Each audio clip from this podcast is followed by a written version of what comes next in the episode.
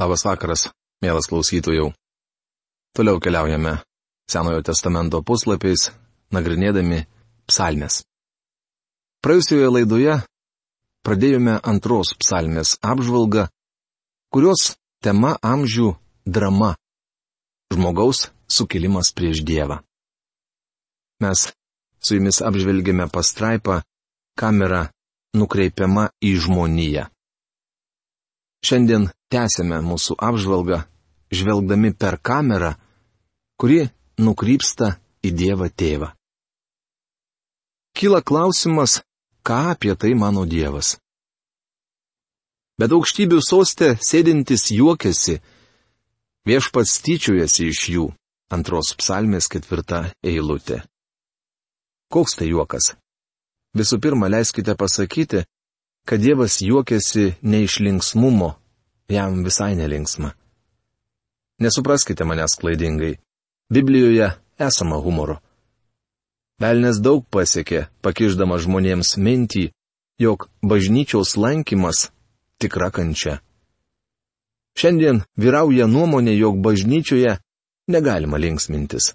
Manding, Biblijoje apstu humoro. Jei keliaujate su mumis Biblijos puslapiais, tai jau žinote. Bažnyčioje, kurioje man teko tarnauti, buvo viena netekėjusi ponia. Šventasis raštas jai niekuomet nekėlė nemenkiausios šypsenos.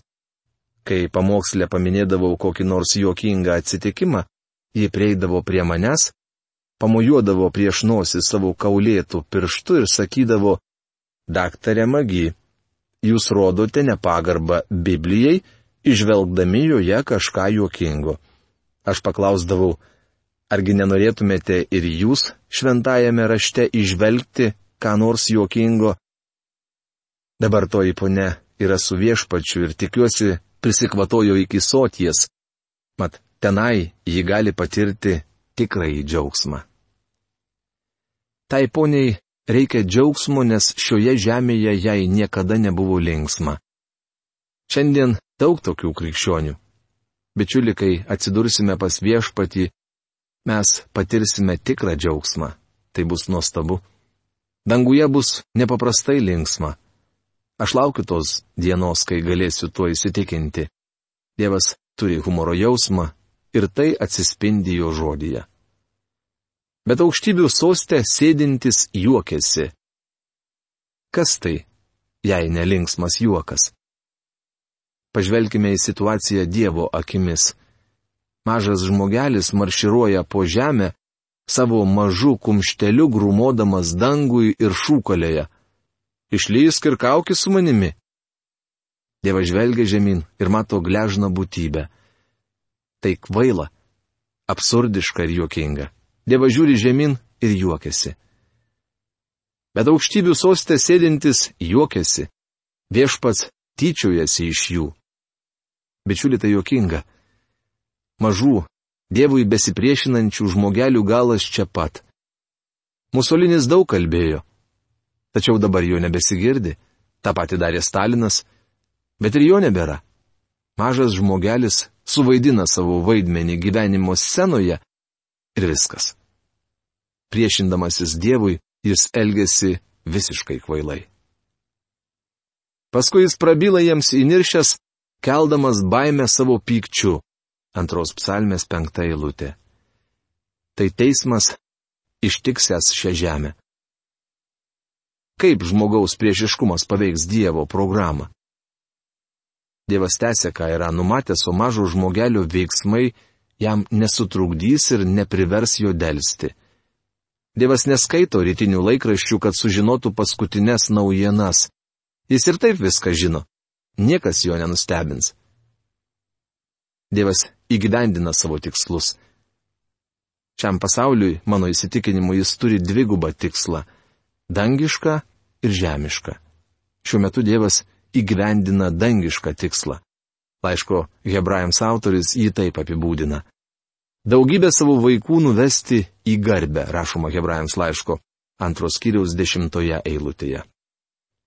Nūdien Dievas renkasi iš šio pasaulio savo vardui tautą, Tai jo dabartinis tikslas. Tačiau Dievas turi ir kitą tikslą, kuris paminėtas šeštoje eilutėje. Juk aš pasodinau sostę savo karalių ant Siono, savo šventojo kalno.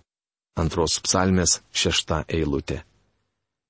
Šiandien Dievas nedvėjodamas ir nesileisdamas į kompromisus siekia žemėje įsteigti sostą, kuriame sėdės Jėzus Kristus.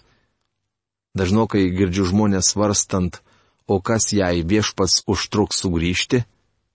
Kodėl turėtų užtrukti? Jis niekuomet neužtrunka.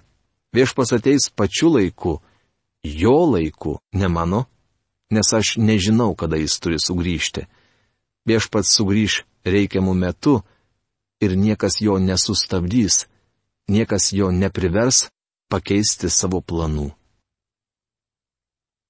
Kamera nukrypsta į Dievą sūnų. Dabar danguje stovinti kamera pasisuka į Dievo tėvo dešinę, kur sėdi Dievas sūnus. Dievas sūnus sako, aš paskelbsiu įsaką. Studijavusieji teologiją žino, jog viešpats Jėzus įvykdo visus Dievo įsakymus. Aš paskelbsiu viešpaties įsaką. Viešpats tarė man, tu mano sunus, šiandien tave pagimdžiau. Antros psalmės septinta eilutė. Šią eilutę dažnai cituoja Jehovos liudytojai. Norėčiau, kad jie paklausytų ir suprastų jos reikšmę.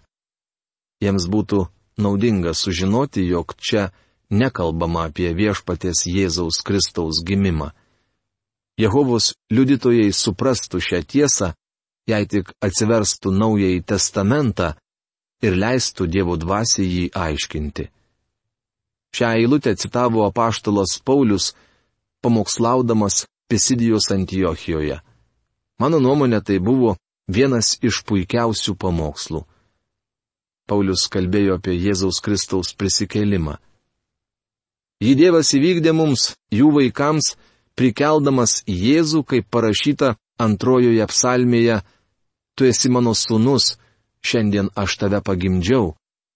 Rašoma apaštalų darbų knygos 13 skyriaus 33 eilutėje. Antroje psalmėje kalbama ne apie Jėzaus gimimą, bet apie jo prisikėlimą. Kristus buvo pagimdytas iš Juozapo kapo. Jėzus yra amžinasis Dievo sūnus, o Dievas - amžinasis tėvas. Negalite turėti amžinojo tėvo, jei neturite amžinojo sūnaus. Tokie jie buvo visą amžinybę, tai jų padėtis trejybėje. Čia kalbama ne apie gimimą, bet apie gimimą iš mirusiųjų, tai yra prisikėlimą. Bijau, kad Jehovos liudytojai nėra to girdėję, tačiau jei jie sažiningai patirinėtų naująjį testamentą, tikrai pamatytų, jog Jėzus Kristus nėra kūrinys. Jis ten tropinis asmuo - Dievas ir žmogus. Antros psalmės septinta eilutė antrina šiam mokymui. Dievas tėvas tęsia, prašyk manęs ir padarysiu tautas tavo valdomis, o visus žemės pakraščius tavo nuosavybę. Antros psalmės aštunta eilutė. Šios visatos skeptrą laiky žmogus, kurio rankose yra vinių paliktos žymės. Ateityje jis valdy šią žemę. Šia eilutė dažnai cituojama misionierių konferencijose, tačiau ji visiškai nesusijusi su misijomis. Pamenu dar būdamas seminarijos studentu, klausiausi New Yorko Union seminarijos absolvento pasisakymo apie misijas. Jis taip pat rėmėsi šią eilutę. Ta kart pasielgiau labai nemandagiai. Šiandien man užtektų proto to nedaryti. Taigi po pamokslo aš nuėjau prie kalbėjusio ir paklausiau, daktarė, kodėl nepacitavote tolimesnės eilutės? Jis dėjosi manęs negirdys, nors esu tikras, jog puikiai girdėjo. Ir ėmė kalbėti su kitu žmogumi. Aš antras įk paklausiau, daktarė, kodėl nepacitavote kitos eilutės? Šį kartą jis man atsuko nugarą, taip mane paprasčiausiai ignoruodamas. Žinoma, man dėrėjo pasišalinti, tačiau aš net lyžau. Apėjau jį ir dar kartą paklausiau, daktarė, kodėl nepacitavote tolimesnės eilutės? Tas vyras pažvelgė man tiesiai į akis ir atrėžė, nes tai būtų sugadinę pamokslą apie misijas. Jis buvo teisus. Šia eilutė iš tiesų būtų sugadinusi jo pamokslą. Paklausykite, kas joje sakoma. Geležies skeptru gali joms kirsti, kaip molio indus iššūkęs daužyti. Antros psalmės devinta eilutė. Ar manote, kad tai Dievo malonės Evangelija, kurią šiandien turime skelbti? Ne. Ši pastraipa niekiek nesusijusi su pirmuoju Kristaus ateimu. Čia kalbama apie jo antrąjį ateimą, kuomet jis sugrįž į žemę teisti. Toks bus antrasis Kristaus ateimas. Jis sugrįž teisti žemės. Viešpats neprašė, kad aš už jį atsiprašyčiau, todėl to ir nedarysiu. Jis sako, jog ketina sugrįžti į šią mažą planetą ir numalšinti kilusį maištą. Jis kirs tautoms geležies skeptru.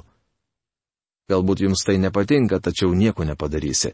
Jis įgyvendins, ką yra numatęs. Jei manote, kad Dievas turėtų elgtis, kaip siūlo kai kurie mūsų politiniai vadovai, norėčiau jūsų kai ko paklausti. Tarkime, rytoj Jėzus sugrįžtų į šią žemę taip, kaip buvo atėjęs prieš du tūkstančius metų, tai yra, kaip nuolankus galilėjėtis, dailydė iš Nazareto. Ateitų prie Kremliaus vartų ir pasibelstų į duris. Apsaugos darbuotojas paklaustų, ko nori? Jis atsakytų, aš esu Jėzus, atėjau perimti valdžios. Ar manote, kad apsauginiai atsakytų, o mes seniai jūsų laukiame? Ne. Jie užtrenktų prieš nosį duris arba net uždarytų į kalėjimą. Bičiuli, kaip jūsų nuomonė Jėzus galėtų perimti valdžią? Argi ne vienintelis įmanomas būdas - kirsti geležies skeptru? Būtent tai jis ir padarys. Tarkime, Jėzus nuvyktų į Prancūziją. Niekas jo tenai nelaukia. Arba į Romą. Pavyzdžiui, viešpats naitų ir pasibelstų į Vatikano vartus.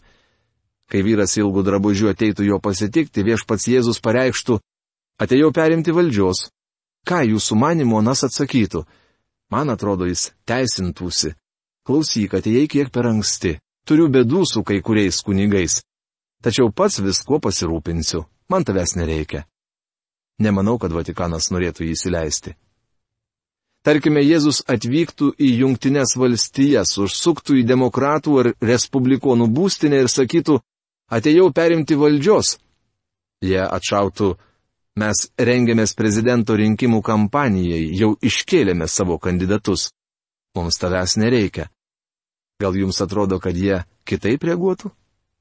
Galbūt esate įsitikinę, kad tie žmonės tikrai jį priimtų? Tuomet kodėl nepriima?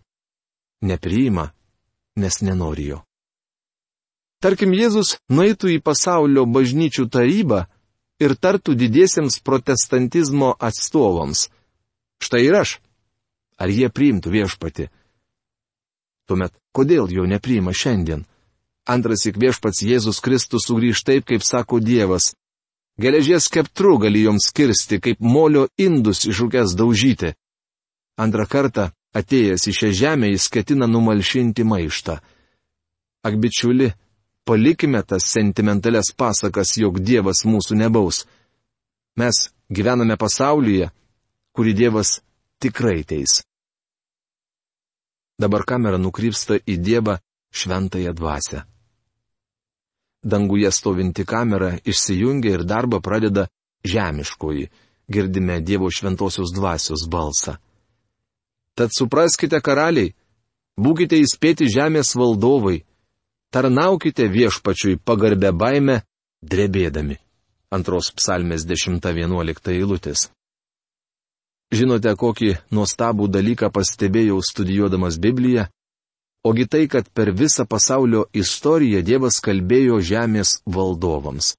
Visada, be jokių išlygų.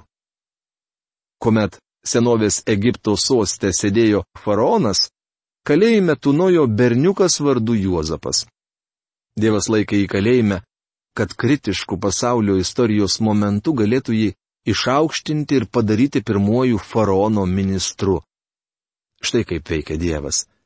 Įsigalėjus Babilonui, pirmai didžiai pasaulio imperijai, šalia Nebukadnecaro Dievas pasodino Danielių. Šis ne tik tapo jo pirmuoju ministru, bet padėjo karaliui įgyti gelbstinti pažinimą apie gyvąjį Dievą.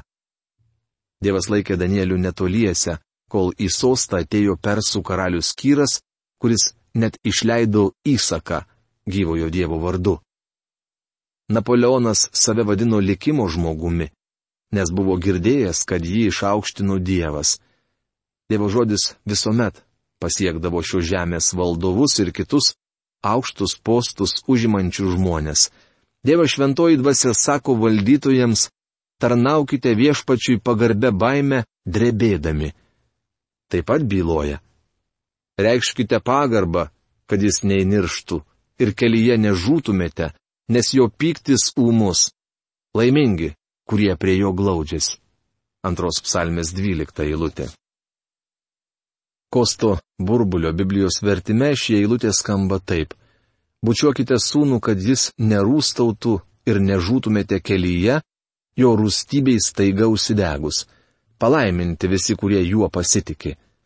Vėlionis daktaras Džordžas Gilas per paskaitas mums sakydavo, Senojo testamento posakis bučiuokite sūnų reiškia tikėk viešpati Jėzu. Tai būsi išgelbėtas, kaip prašoma paštalų darbų knygos 16 skyriaus 31 eilutėje.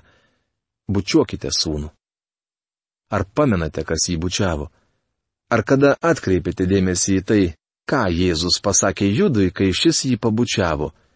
Šiandien teologai ginčijasi dėl iš ankstinės lemties bei išrinkimo. Jie tvirtina, kad Judas privalėjo išduoti Jėzų, mat iš anksto buvo išpranašauta, kad jis tai padarys. Paliksiu tai aiškintis teologams. Esu varganas nedaug tai išmanantis pamokslininkas, todėl nesivelsiu į šias problemas ir leisiu jas narplioti teologams. Paklausykite, ką sako Biblija. Verčiau vadovautis Dievo, o ne teologų žodžiu Pamenate, išduodamas Jėzų, Judas į sodą atvedė minę žmonių jo suimti ir sakė, kurį pabučiuosiu, tasai ir bus Jėzus. Taigi Judas priejo prie Jėzaus ir jį pabučiavo.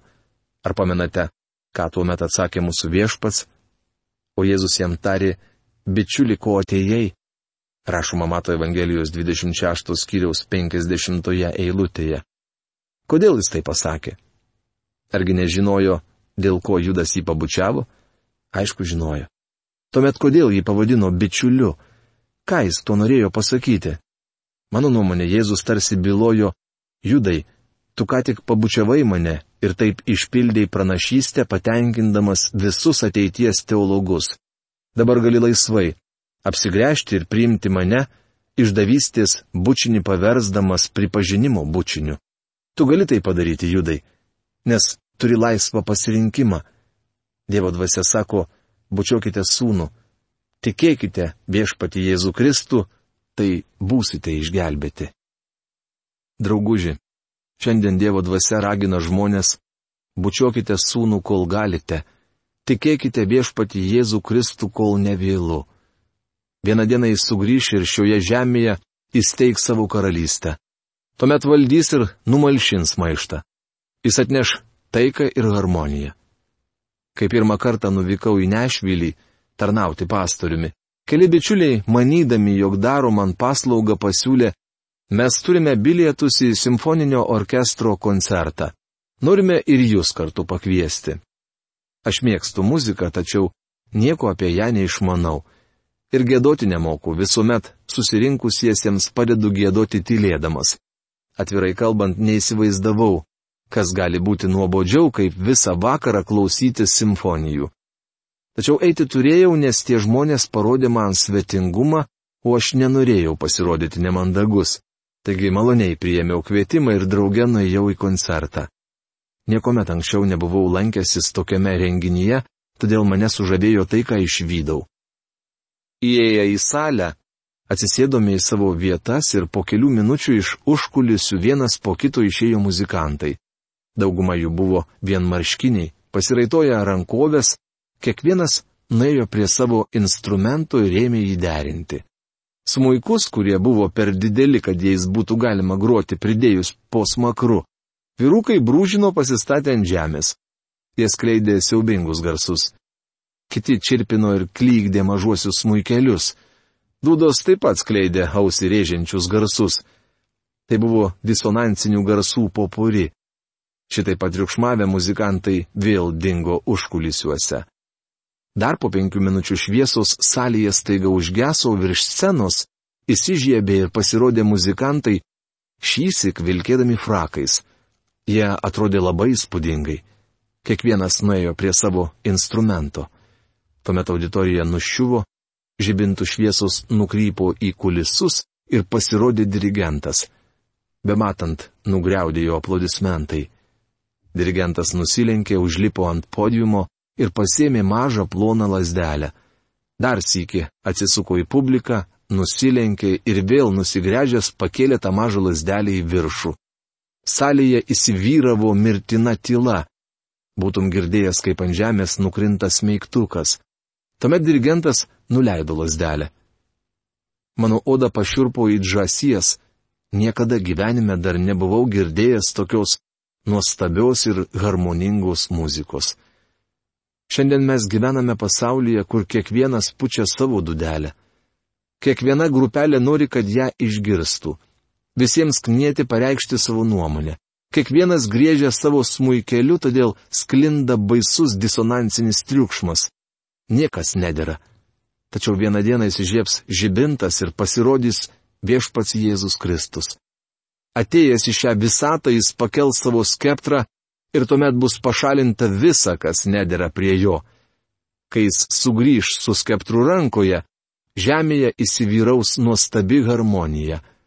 Esu laimingas, kad šiandien gyvenu visatoje, kurioje galiu jam lenktis ir pagal jį suderinti savo mažą kūno ir gyvenimo instrumentą. Galiu jam lenktis ir pripažinti jį savo gelbėtoju bei viešpačiu. Mėlyji, šioje rašto vietoje šiandien norėčiau sustoti, nes laidos laikas baigėsi. Susitiksime kitoje mūsų laidoje. Iki greito pasimatymo. Sudė.